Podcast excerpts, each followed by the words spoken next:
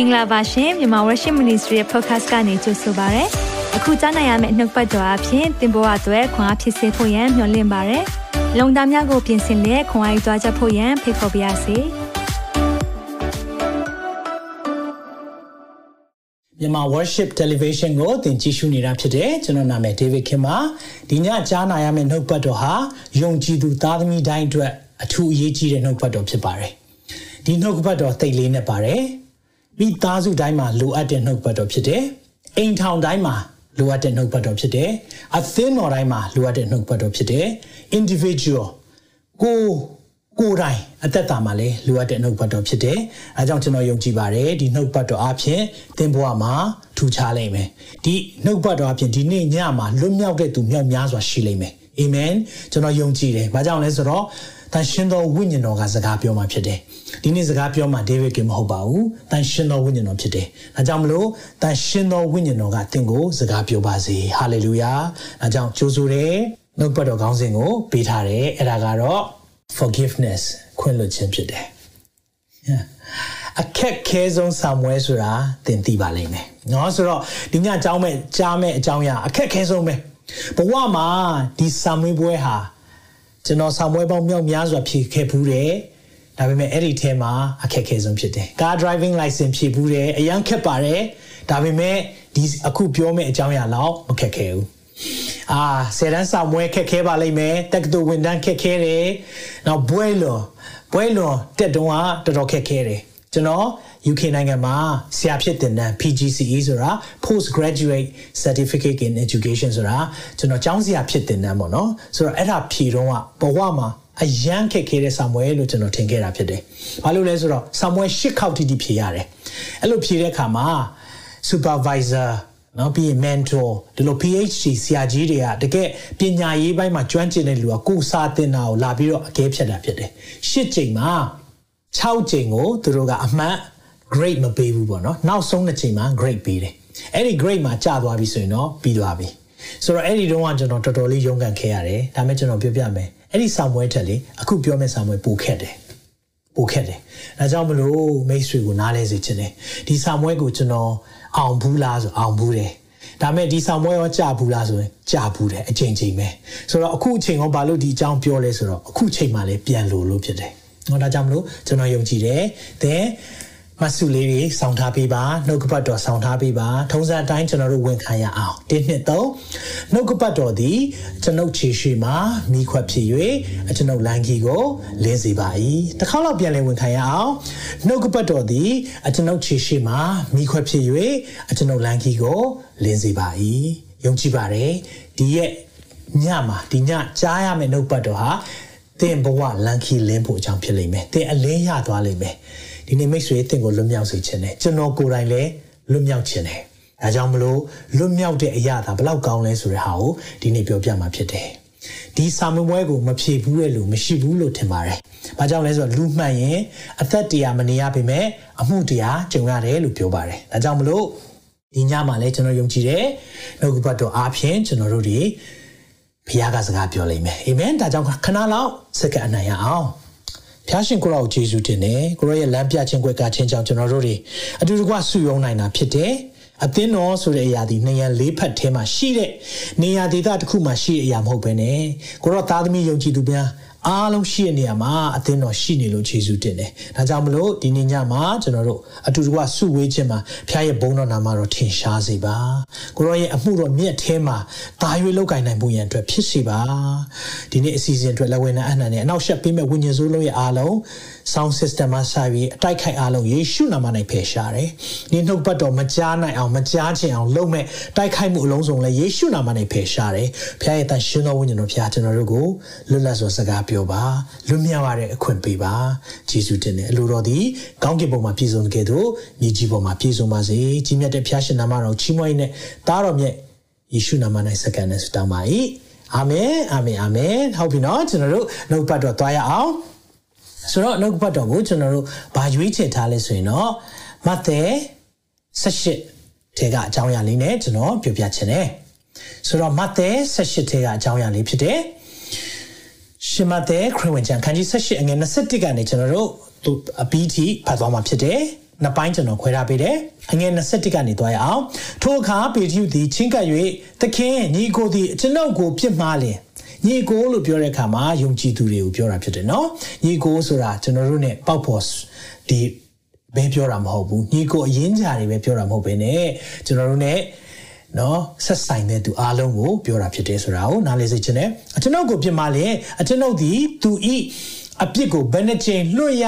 ဘာအနီခုနှစ်ချိန်မြောက်အောင်လွှတ်ရပါအလောဟုမေးလျှောက်တော့နော်ခုနှစ်ချိန်လွှတ်ရအောင် အဲ့ဒီအရာကိုပြောပြချင်တယ်ပေတရုဒီမေခွန်းမေးတဲ့အချိန်ကတင့်ကိုနားလဲစေချင်တယ်အဲ့ဒီတော့က तू ကဒီမေခွန်းကိုပြောတဲ့အချိန်မှာ तू ကပြည့်ညက်တရားရဲ့အောက်မှာဖြစ်တယ်တနည်းအားဖြင့်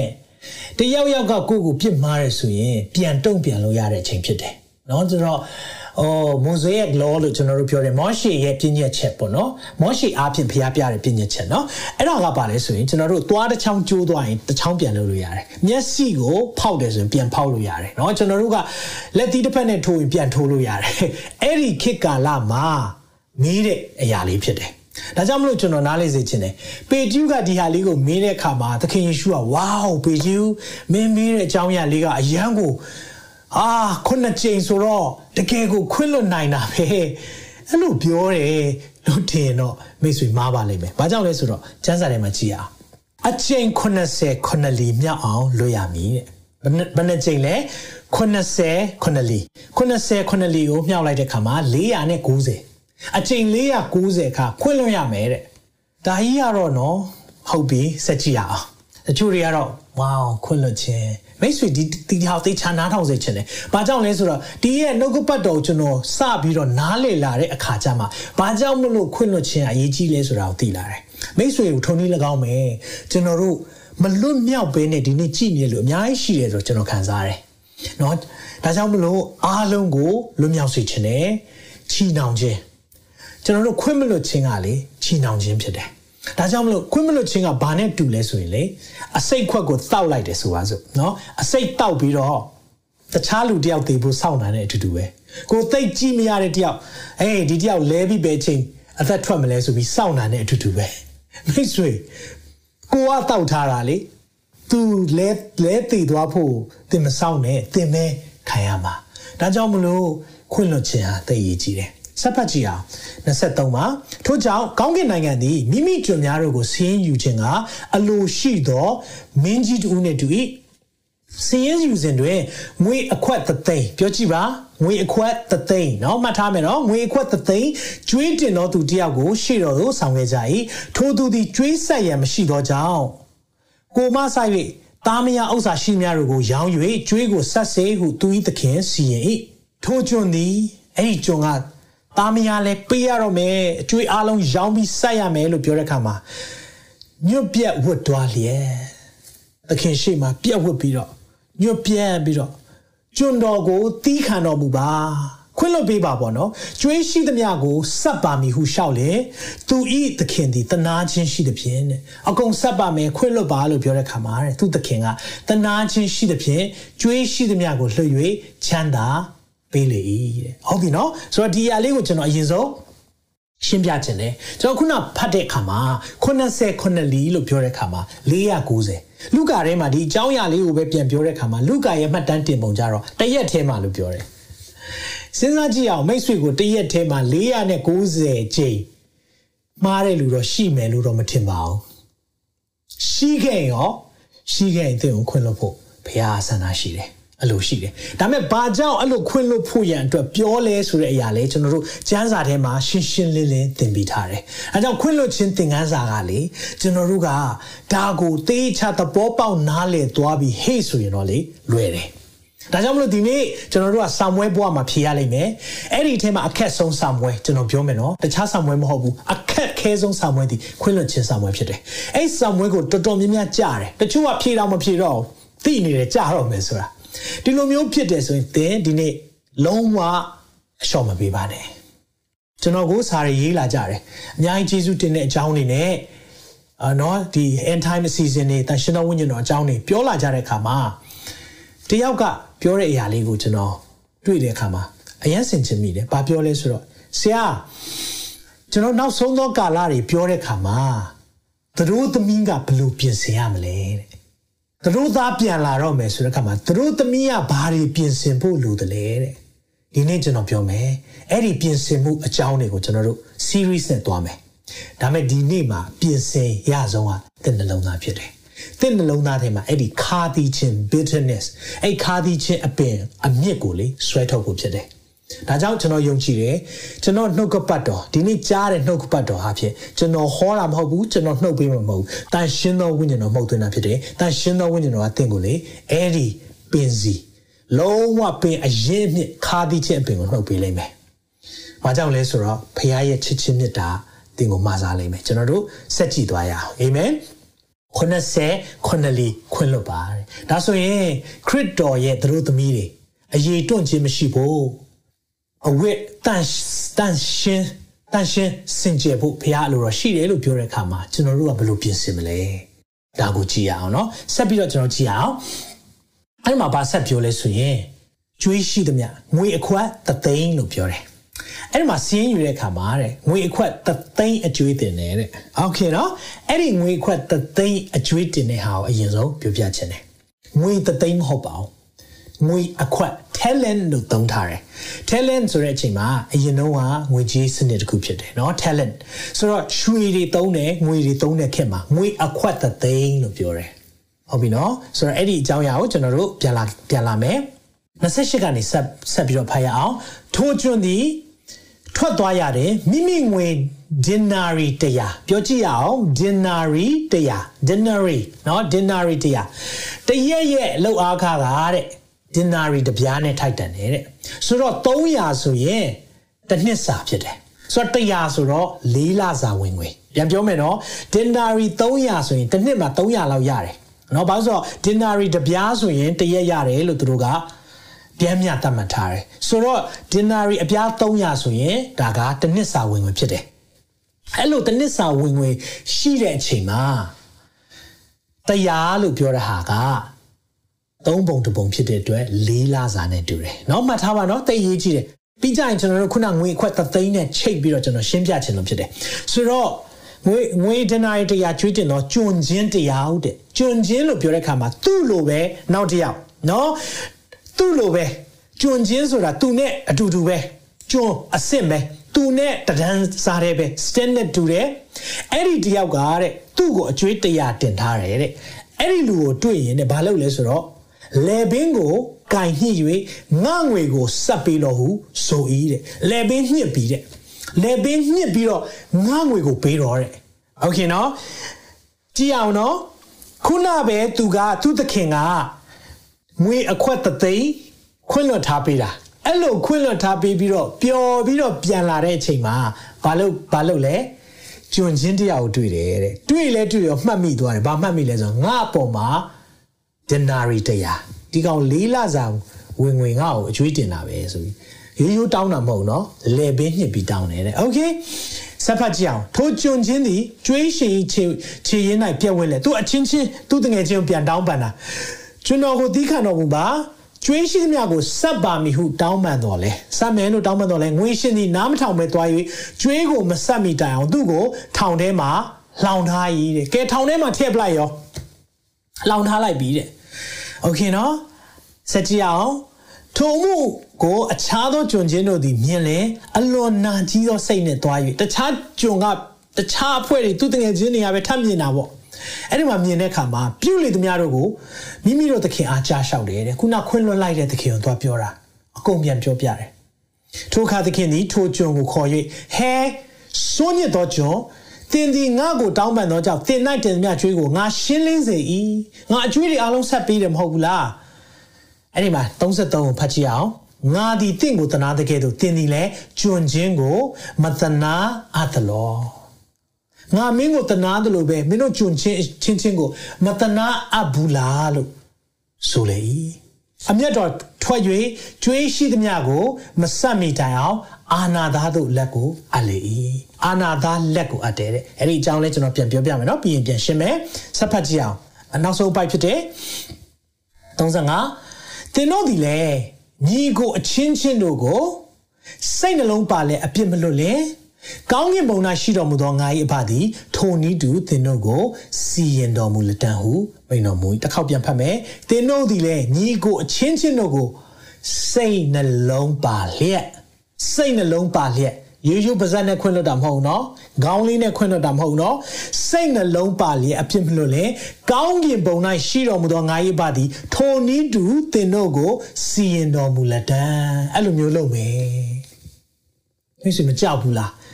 ဒီနောက်ကပတ်တော့ကျွန်တော်ရှင်းပြခြင်းတယ်ခုန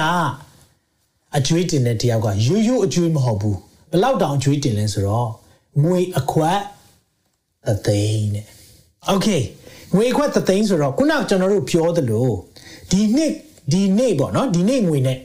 နည်းနည်းချိန်ထိုးကြည့်အောင်ဆိုတော့သင်ကဥပမာတလလောက်စာစင်ကာပူမှာနေတဲ့လူတွေဘယ်လောက်ရမလဲတော့မသိဘူးအာ4000 3000စသဖြင့်ဒီနိုင်ငံမှာအခုဩစတြေးလျမှာနေတဲ့လူတွေကတလလောက်အားခကိုပြန်မြ3000လောက်ရလိမ့်ရှိတယ်เนาะဆိုတော့ဒေါ်လာ3000လောက်ရတယ်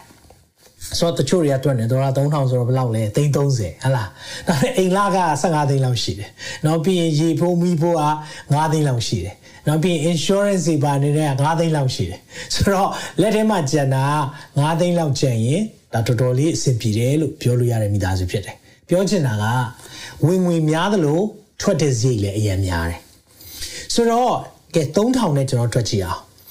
3000တစ်လဝင်နေဆိုရင် လေးလစာဝင်ငွေဆိုရင်ဘယ်လောက်ဖြစ်မလဲ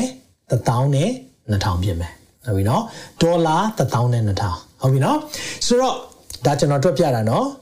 သူ့အပေါ်မှာအကျွေးတင်တဲ့လူက1000ဒေါ်လာ1000 2000ဒါဆိုရင်သူကအဲ့ဒီကျွန်က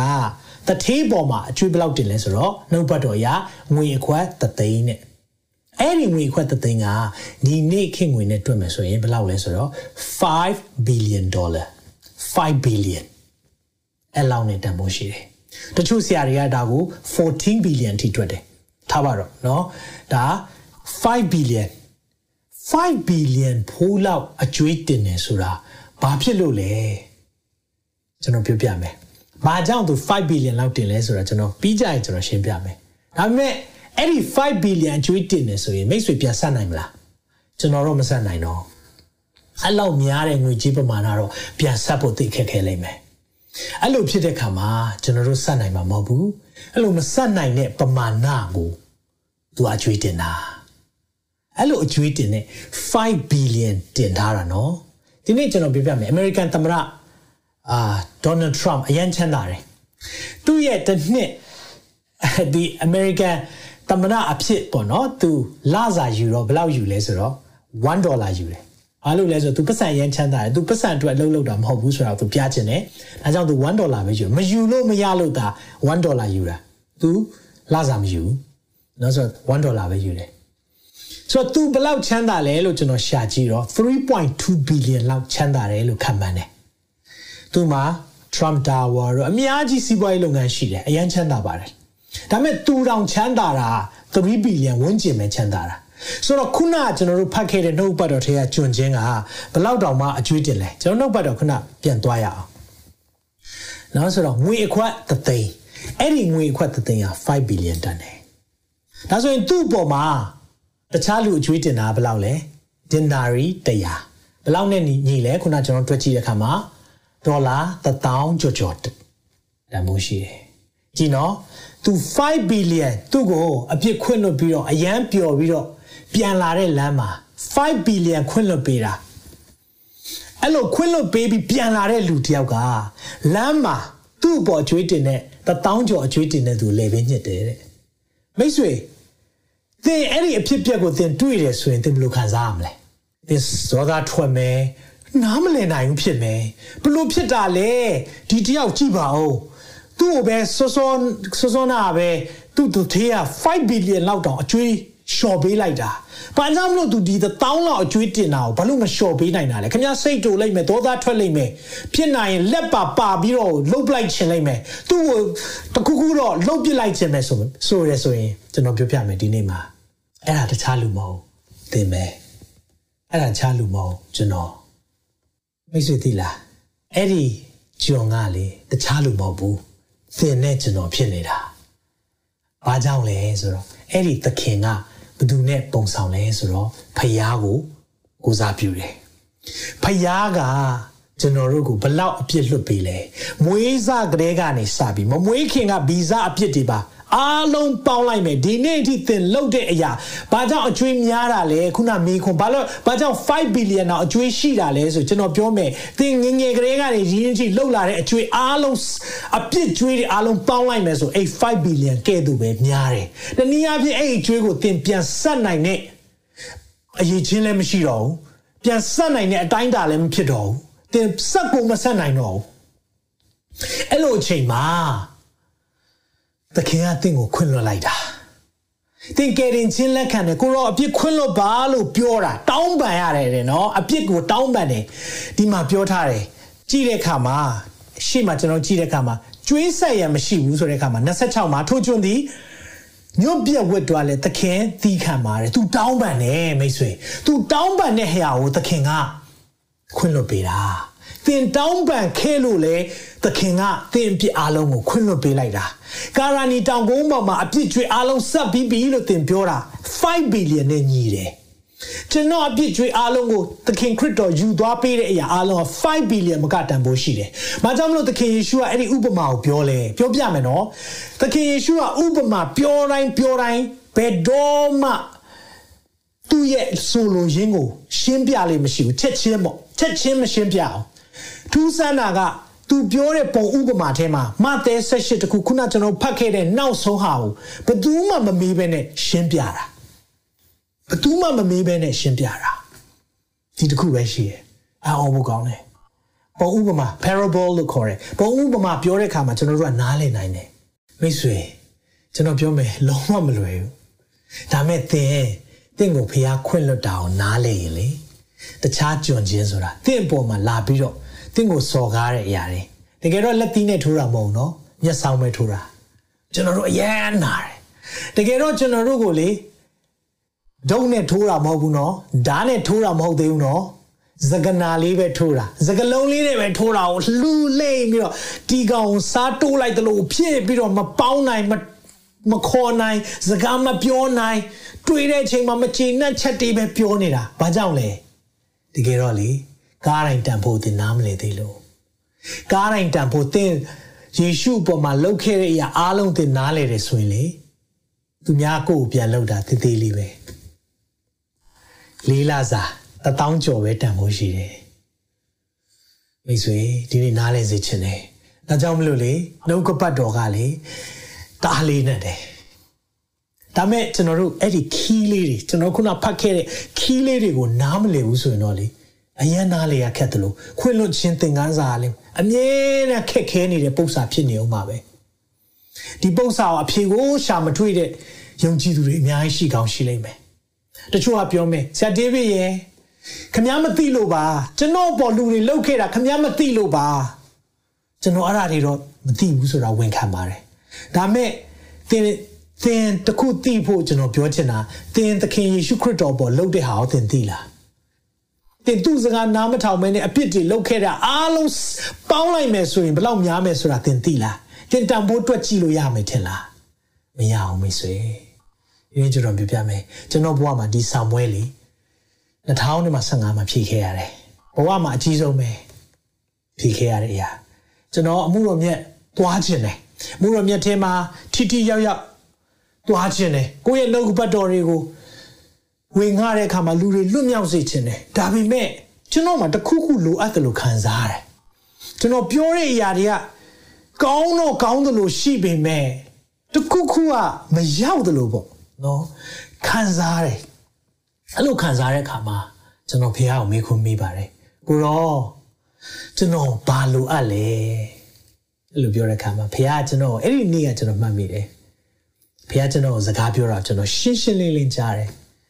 ငါသားမင်းငါ့ကိုချစ်လားတဲ့အဲ့ဒီမေးခွန်းမေးတယ်ကိုရောချစ်တယ်လေကျွန်တော်ပေတီကိုမေးတဲ့ပုံစံမျိုးကိုအမေးခံရတာအဲ့လိုကျွန်တော်ဝိညာဉ်ထဲမှာခံစားရတယ်။အဲ့ဒီအကြောင်းအရာကိုဖတ်တဲ့အခါမှာပေတရုကိုသခင်ယေရှုကမေးတာမဟုတ်ဘဲနဲ့ဒေးဗစ်ကင်းကိုမေးနေတယ်လို့ကျွန်တော်ခံစားရတယ်။အဲ့လိုခံစားတဲ့အခါမှာကိုရောကျွန်တော်ချစ်တယ်ကိုရောကိုရောအဲ့နဲ့ပြန်မေးတယ်ငါသား မင်းငါ့ကိုတကယ်ချစ်လားချစ်လား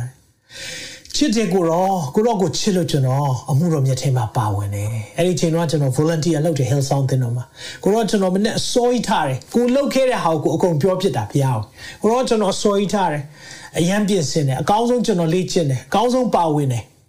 လူတွေကျွန်တော်အတိမတ်ပြုတ်ခြင်းမပြုတ်ခြင်းကိုမကြည့်ဘူးကိုရောရဲ့စိတ်ကျဉ်တဲ့ခြင်းကိုပဲအမြဲကြည့်ပြီးသွားတယ်ကိုလှုပ်ခဲ့တဲ့ဟာကိုကိုရည်သွေးပြီးတော့ဖျားအောင်ပြောတာပေါ့ အဲ့လိုပြောတဲ့ခါမှာမင်းလူလိမ့်တဲ့ကျွန်တော်ပြောပြမယ်ဖះကကိုကိုလူလိန်လို့ပြောတာ ਨੇ တခြားလူတွေကလူလိန်လို့ပြောတာလုံးဝမတူဘူးเนาะမင်းလူလိန်နဲ့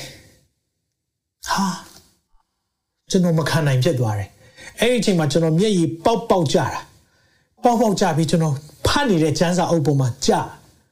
ကိုတော့ကျွန်တော်လူလိန်လုံးဝမဖြစ်ချင်ဘူးမင်းငါ့ကိုချစ်တယ်ဆိုမင်းလူလိန် မြန်မာနိုင်ငံမှာလူလိန်လူညာမှုပုံမှန်ကိုသိလားဖခင်ကျွန်တော်တို့မေးတယ်ဆိုရင်လေ तू အဖြေရှာတာမဟုတ်ဘူးเนาะအဖြေလိုချင်လို့မေးတာမဟုတ်အဖြေမသိလို့မေးတာမဟုတ်သင်သိသလားဆိုရက်သဘောနဲ့မေးတာဖခင်အကုန်သိပြီးသားတပ်ပင်ညုဒညာတော်ရှင်သင်သိသလားလို့မေးတာဆိုတော့ကျွန်တော်မေးခွန်းမေးတယ်မင်း ငါ့ကိုချစ်လားလို့မေးတဲ့အခါမှာကိုရောမသိဘူးထင်လို့ကျွန်တော်ကကိုချစ်တဲ့အကြောင်းတွေပြောပြနေတာဘယ်ဟုတ်မှလဲကိုရောကမသိတာမဟုတ်တာကျွန်တော်နှလုံးသားထဲမှာဒါကရိုးသားရဲ့လားကိုပြောတဲ့အရာမှန်ကန်ရဲ့လားဆိုတဲ့အရာကိုဖခင်ကလေစမ်းစစ်တာမြန်မာပြည်မှာလူလိမ်မှုသိတယ်နော်ပုံမှန်420ပုံမှန်420ဟုတ်လား420 420ပုံမှန်420လို့ကျွန်တော်တို့ပုံမှန်420ဒီကောင်420ပါကွာလို့ပြောရင်ကျွန်တော်တို့သိလားသိတယ်နော်ဆိုတော့ကျွန်တော်တို့1ရော420ကိုကျွန်တော်တစ်ချက်သွားကြည့်အောင်တစုံတယောက်သောသူကငါသည်ဖျားသခင်ကိုချစ်၏ဖះကိုချစ်လားကဲကျွန်တော်မေးခွန်းမေးမယ်ဒီကလူတွေကိုဖះကိုချစ်တဲ့လူလက်ထောင်ပါဆိုရင်သင်အခုရှိရနေရမှာเนาะကျွန်တော်မေးခွန်းမေးမယ်ပါဝင်စေချင်တယ်ကျွန်တော်မေးမယ်သင် ဖះကိုချစ်လားဖះကိုချစ်တဲ့လူလက်ထောင်ပါဆိုထောင်ကြည့်ပါဦးโอเคအားလုံးနီးသားပါပဲเนาะဖះကိုချစ်တဲ့လူတွေเนาะဟုတ်ပြီကျွန်တော်ကျမဖះကိုရမ်းချစ်ပါတယ်ဆိုကျွန်တော်လက်ထောင်ပြီးပြီနောက်မေးခွန်းတစ်ခုမေးမယ်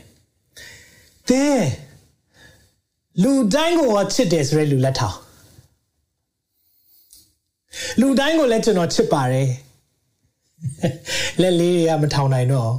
တဝက်တစ်ပြက်တွေဖြစ်ကုန်ရောကျွန်တော် seminar လုပ်တိုင်းအများနဲ့ဒီမေးခွန်းမေးရင်အခန်းအခန်း3ပုံတပုံတော့မဟုတ်ဘူး၄ပုံတပုံနည်းနည်းလေးပဲ၅ပုံတပုံလောက်20%လောက်ပဲလက်လေးကနည်းနည်းထောင်ချင်တယ်ဒါတော့မှမထောင်တထောင်လေးတွေနော်ဆိုတော့ကျွန်တော်တို့ကိုဖေကပြည့်ညက်တစ်ခုပဲအဓိကထားခိုင်းတယ်ဖះကိုချစ်ဖို့နဲ့လူတွေကိုချစ်ဖို့ ဒီနှစ်ခုထဲမှာကျွန်တော်တို့ကဖះကိုချစ်တယ်လို့ပြောတယ်ဒါဆိုရင်တယောလေး20မှာဗာပြောလဲတစုံကြောက်တော့သူကငါသည်ဖះသခင်ကိုချစ်၏ဟုဆိုလျက်ပင်မိမိညီကိုကိုမောင်းလျင်တဲ့တခြားညီကိုကိုမုန်းနေဆိုရင်တဲ့ထိုသူသည်မုသာကိုတုံးတော်သူဖြစ်၏ဒါမုသာတုံးတာပဲဒါလိန်နေတာပဲမုသာတုံးတော်သူပဲတဲ့ဆိုတော့ကျွန်တော်တို့က ဟိုမြန်မာကျမ်းစာမှာမုတာသုံးတော်သူဆိုတော့ဆရာကြီးယူသတန်ဘာသာပြန်တော့စာရန်ဆန်ပြီးတော့ကျွန်တော်နားထောင်လို့တောင်ကောင်းသွားတာနော်ဒါပေမဲ့အင်္ဂလိပ်ကျမ်းစာမှာဖတ်ကြည့်တဲ့အခါမှာ you are a liar မင်းလူလိန်ဖြစ်တယ်တဲ့ကျွန်တော်ပြောမယ်မူတာသုံးတဲ့လူနဲ့လူလိန်ဆိုတာတော့တော်တော်ကွာတယ်နော်ဒါတော့တေချာနားထောင်ကြည့်မယ်ဆိုရင်မူတာကိုသုံးတော်သူဆိုရင်တော့မူတာမပါလင်္ကာမချောစသဖြင့်ကျွန်တော်တို့ကအမျိုးမျိုးစကားပုံတွေပြောတယ်ဒါပေမဲ့မူတာမပါလင်္ကာမချောဆိုတာတဲ့ မင်းလူလိန်ဟေ့လို့ပြောရင်မခံနိုင်ဘူးနော်မူတာကိုသုံးတယ်လို့ပြောရင်ကျွန်တော်နည်းနည်းခံနိုင်တယ်ဒါပေမဲ့လူလိန်ဆိုမခံနိုင်ဘူးဒါပေမဲ့ဒီမှာဒီကျမ်းစာကိုကြည့်တဲ့အခါမှာကျွန်တော်မူရင်းနော်ဆိုလိုရင်းနဲ့ကျွန်တော်ဖတ်ပြပေးခြင်းတယ်တစုံတယောက်တော့သူကငါဒီဘုရားသခင်ကိုချစ်ဥဟုဆိုလျက်ပင်မိမိညီကိုကိုမုန်းလေထိုသူသည်ကျွန်တော်မုတ်တာသုံးတော်သူစားလူလိန်လို့သုံးကြည့်မယ်နော်ထိုသူသည်လူလိန်ဖြစ်၏သင်420ဖြစ်နေတာ တိရော420ကျမ်းစာထဲမှာလည်း in the quat တိပဲ420 420အကယ်၍သင်လူလိန်ဟုတ်မဟုတ်သိချင်420နဲ့ကိုကိုချိန်ထိုးကြည့်ပါနောက်ကပတ်တော့ဖတ်ကြည့်လိုက်ပါအခုကျွန်တော်ဖတ်တဲ့တေရော420မှာကြည့်တဲ့အခါမှာမိမိမြင်ရတော့မိမိညီကိုကိုမချစ်လင်ကိုမြင်နေရတဲ့ညီကိုကိုဘေးကရှိတဲ့မိမိနဲ့ဆက်ဆိုင်တဲ့သူတွေကိုမချစ်ဘူးယုံကြည်သူအချင်းချင်းမချစ်ပဲနဲ့ မမြင်သေးသောဘုရားသခင်ကိုအဘယ်သို့ချစ်နိုင်မည်နည်းမမြင်တဲ့ဘုရားကိုချစ်ပါတယ်ဆိုတာဟုတ်ရဲ့လားဒီလိုပြောထားတာဘုရားသခင်ကိုချစ်တော်သူသည်မိမိညီကိုကိုချစ်ရမည်ဟုသောပြည့်ညတ်ကိုငါတို့သည်ခရစ်တော်ထံ၌ခံရကြပြီကျွန်တော်ဒါကြောင့်မဿဲ18ကယေရှုခရစ်တော်ကိုယ်တိုင်ပြောတဲ့ဘုံဥပမာလေးအဲကြောင့်ဒါလေးကိုနားလဲစေချင်တယ်အဲ့ဒီမှာဖခင်ကျွန်တော်စကားပြောတဲ့အခါမှာဒေးဗစ်ကမင်းလူလိန် အဲ့ဒီအချိန်မှာကျွန်တော်ကကိုရောကျွန်တော်လူလိမ်မဟုတ်ဘူးဒါဆိုရင်ဖះဆက်ပြောတယ်မိမိညီမြင်ရတဲ့ညီကိုမှမချစ်နိုင်သေးတာကျွန်တော်တော်တော်များများနဲ့အဆင်ပြေပါတယ်ဘဝမှာနော်ကျွန်တော်တော်တော်လေးကိုလည်းဟိုအဆင်ပြေအောင်လဲနေပါတယ်နော်ဒါပေမဲ့အဆင်မပြေအဖုတစ်ရှိရဲ့လူတွေလည်းရှိပါတယ်နော်ဆိုတော့အဲ့လိုအဲမှာအဲ့ဒီအချိန်တော့ဆိုရင်ကျွန်တော်မှတ်မှတ်ရရကျွန်တော်တော်တော်လေးခက်ခါတီးတီးဖြစ်တဲ့တယောက်ရှိနေတာ ဒါပေမဲ့ကျွန်တော်ဒါကိုခွင့်လွတ်တယ်လို့ထင်နေတယ်ကျွန်တော်သူ့ကိုခါခဲ့တယ်ခါတီးခဲ့တယ်ခွင့်မလွတ်နိုင်ခဲ့ဘူးနာကျင်ခဲ့တယ်အဲ့လိုဖြစ်တဲ့အခါမှာဒီလိုဖះကနှုတ်ကပတ်တော်ကြီးပြောတော့ကျွန်တော်အော်သူ့ကိုခွင့်လွတ်ပါတယ်ခွင့်လွတ်ပါတယ်စသဖြင့်ကျွန်တော်သူ့ကိုခွင့်လွတ်တယ်ခွင့်လွတ်တယ်ဆိုပြီးတော့အဲ့ဒါကိုကျွန်တော်အမြဲတမ်းပြောနေခဲ့တယ်ဆိုတော့ကျွန်တော်စိတ်ထဲမှာခွင့်လွတ်ပြီးပြီလို့ထင်တာပေါ့နော်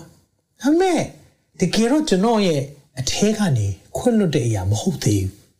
ကျွန်တော်အထဲကနေပါတဲ့ခွင့်လွတ်ခြင်းမဟုတ်သေးဘူးကျွန်တော်ရှိနေသေးတယ်စိတ်နှလုံးနဲ့ခွင့်လွတ်တာမဟုတ်သေးဘူးအုံနောက်နဲ့ခွင့်လွတ်တာပါဇက်နဲ့ခွင့်လွတ်တာဥပမာဆိုပါစို့ခွင့်လွတ်တယ်မိမရအောင်ဆိုပါစို့အဲ့တကယ်ခွင့်မလွတ်တာနော်ခွင့်လွတ်တယ်ဗျာဒါပေမဲ့မေ့လို့တော့မရအောင်ဒါဆိုတင်တကယ်မခွင့်လွတ်သေးဘူးတကယ်ခွင့်လွတ်တဲ့သူကမေ့လဲမေ့နိုင်ရမှာဒီကိစ္စတွေကိုဩမေ့နိုင်ရမှာဒါပေမဲ့တင်မမေ့နိုင်သေးဘူးဆိုတာသိချတယ်တင်လုံးဝ လုံးဝအုတ်တုံကြီးခွင့်မလွတ်သေးတာဖြစ်တယ်ဆိုတော့ဒီမှာဖះကျွန်တော်စကားပြောတဲ့အခါမှာဟာကျွန်တော်သိတယ်ကျွန်တော်လူလိန်တော့မဖြစ်ချင်ဘူးဆိုတော့ဖះကပြောလဲဆိုတော့သွားတောင်းပန်လိုက်ပါတဲ့ သွားတောင်းပန်လိုက်ပါလို့ပြောတဲ့အခါမှာကျွန်တော်ဖះကိုနည်းနည်းရှင်းပြရတယ်သိတယ်နော်ကျွန်တော်ယုံကြည်သူတွေကဖះဖះတက်ပို့ပြီးတော့တလကြီးကျင်တဲ့ဖွဲ့တွေလေနော်ဆိုတော့တခြားလူတွေမပြောပါဘူးကိုကိုပြောပါတယ်ဆိုတော့ကိုတော့ကိုတော့နည်းနည်းရှင်းပြအောင်မယ်ကိုတော့ဟိုတောင်းပန်နေဆိုတာကိုတော့ကိုဖက်ကမှားမှတောင်းပန်တာမဟုတ်ဘူးလားကိုတော့ဒီကိစ္စမှာကျွန်တော်မှားတာမဟုတ်တာကိုတော့ဒီကိစ္စမှာကျွန်တော်ကအပြစ်ကျူးလွန်သူမှမဟုတ်တာကိုတော့ ဘုရားကပြောလဲဆိုတော့ဆက်ဆံရေးပြတ်သွားပြီဆိုကြတဲ့ဟာဒါတစ်ဖက်တည်းရဲ့အမှားတော့မဟုတ်ဘူးနှစ်ဖက်လုံးမှာတာဝန်ရှိတယ်ကဲ तू မှားတယ်ပဲဆိုပါစို့သူတို့ဘက်ကမှားတယ်ပဲဆိုပါစို့မင်းဘက်ကဘာလို့ရင်ကြားမစေနိုင်တာလဲ peace မလုပ်နိုင်တာလဲအဲ့လိုပြောတဲ့အခါမှာအဲ့ဒါကျွန်တော်လည်းစဉ်းစားသွားတယ်စဉ်းစားပြီးဟုတ်ပြီကိုရောကိုရော တောင်းပန်စေချင်တယ်ဆိုရင်တော့ကိုရောကျွန်တော်သူ့စီသွားသွားဖို့တော့မဖြစ်နိုင်ကိုရောစီစဉ်ပေးစဉ်းစားကြည့်လေမိတ်ဆွေဘယ်လောက်ခက်မယ်ထင်လဲကိုကိုပေါ်လှုပ်တဲ့လူတယောက်ကိုသွားပြီးတော့ကျွန်တော်ခွင့်လွတ်ပါဆိုပြောဖို့တော်တော်ခက်တဲ့ကိစ္စနော်ဒါမှမဟုတ်ကျွန်တော်နားလေစေချင်တယ်ဖះကတချို့အရာတွေကိုလှုပ်ခိုင်းတဲ့ခါမှာလေသူကလေလုံနိုင်စွမ်းငါအားနေသောအခါမှာငါအတွက်တကိုးဆိုတဲ့ဂျေဇုတော်ဂျေဇုတော်ရဲ့အတိတ်ပဲအဲ့ဒါပဲ ဂျေဇုတော်ဆိုတာအပြစ်လုပ်ခွင့်လိုက်စင်မဟုတ်ဘူးဂျေဇုတော်ဆိုတာဖခင်ကငါတို့ကိုကယ်တင်ပြီးပြီဖြစ်လို့ကြိုက်တယ်လို့နေကြိုက်လို့စားကြိုက်လို့သွားကြိုက်တယ်လို့တွေးခေါ်အပြစ်မဖြစ်တော့အဲ့လိုမျိုးမဟုတ်ပဲねဂျေဇုတော်ဆိုတာငါဂျေဇုတည်တင့်ဖို့လောက်ပြီငါအားနေခြင်းအရာမှာငါအတွက်ခွန်အား my power works in my weakness သင်အားနေနေတယ်သင်မတောင်းပန်နိုင်ဘူးဆိုရင်ဖခင်ရဲ့ power အထက်အလုပ်လုပ်ဖို့ဖခင်ကိုအခွင့်တောင်းပါအာမင်ဂျေဇုတော်သင်ကိုမဆားလိမ့်မယ်အဲ့ဒီမှာ ဂျေဇုတော်မဆားပါ grace grace ဂျေဇုတော်ဂျေဇုတော်လို့ပြောတဲ့အခါမှာကျွန်တော်အဲ့ကိစ္စလေးကိုဖခင်နဲ့ပြောခဲ့တယ်ပြီးလဲပြီးရောအဲ့ဒါနဲ့ဖြစ်ချင်တော့အဲ့ဒီအချိန်မှာကျွန်တော်တို့အာဒီ crusade တခုကျွန်တော်မြို့မှာဖြစ်သွားတယ်အားမြန်မာဆရာတယောက်လာတယ်လာတဲ့အခါမှာအဲ crusade မှာကျွန်တော်လည်းပါဝင်တယ်အာကြီးကျယ်ပဲကျွန်တော်လည်းစက်ကတ်ကြတယ်စက်ကတ်တော့ ကျွန်တော်လည်းရှေ့ဆုံးမှာထွက်သွားပြီးတော့ဆူတောင်းခံတယ်ဆူတောင်းခံတော့အဲ့ဒီဧည့်သည်ဆရာလည်းကျွန်တော်ဆူတောင်းပေးတယ်လက်တင်ပြီးဆူတောင်းပေးတော့ဘာပြောလဲဆိုဖះအသုံးပြုခြင်းနဲ့ဖះအသုံးပြုမယ်လူငယ်တွေကြားထဲမှာအထူးသဖြင့်အသုံးပြုမယ်လူပေါင်းမြောက်များစွာလွတ်မြောက်ဖို့အကြောင်းဖြစ်မယ်အဲ့ဒီစကားကို तू ကတစ်ဖက်ကကျွန်တော်ပြောတယ်တခြားတစ်ဖက်မှာဖျားစကားတဲ့ချက်ချင်းလာတယ်ဘာကြားလဲဆိုတော့မင်းစာမှုပွဲမအောင်သေးဘူးတဲ့ ကျွန်တော်ချက်ချင်းသိတယ်ဘာစာမွဲလဲဆိုတာခုနအခုပြောနေတဲ့အကြောင်းပဲမအောင်သေးဘူးတဲ့ဟာအဲ့ဒါနဲ့ကျွန်တော်လည်းဘာဆက်လို့မှမသိဘူးဖခင်ရဲ့ဂတိတော်လဲတစ်ဖက်ကကြားပြီတစ်ဖက်ကလည်း process ဆိုရယ်ကိုဖြတ်တန်းရမယ့်ကာလတခုလည်းကိုကရင်ဆိုင်ရတော့မယ်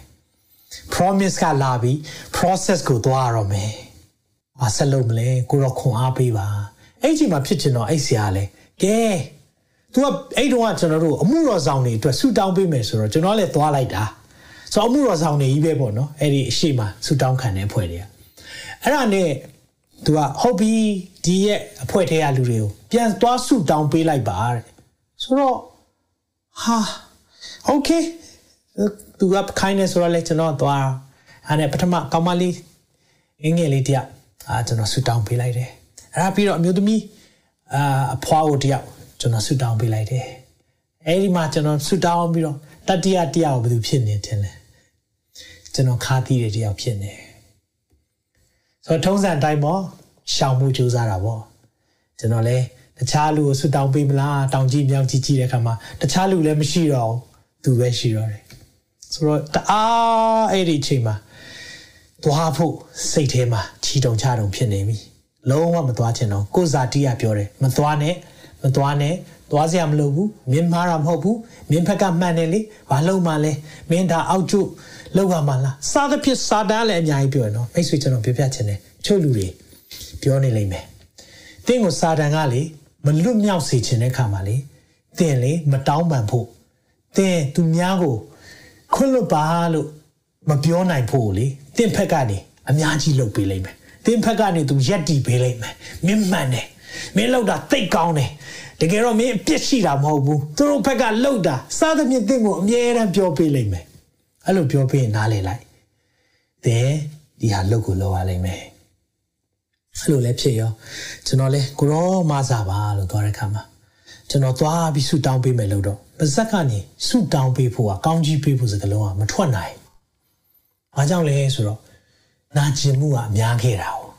ခါသီးမှုကများခဲ့တဲ့ခါမှာတကယ်တမ်းစိတ်ထဲကနေနှလုံးသားနဲ့ကောင်းကြီးပေးမယ်လို့လုပ်တဲ့ခါမှာကောင်းကြီးက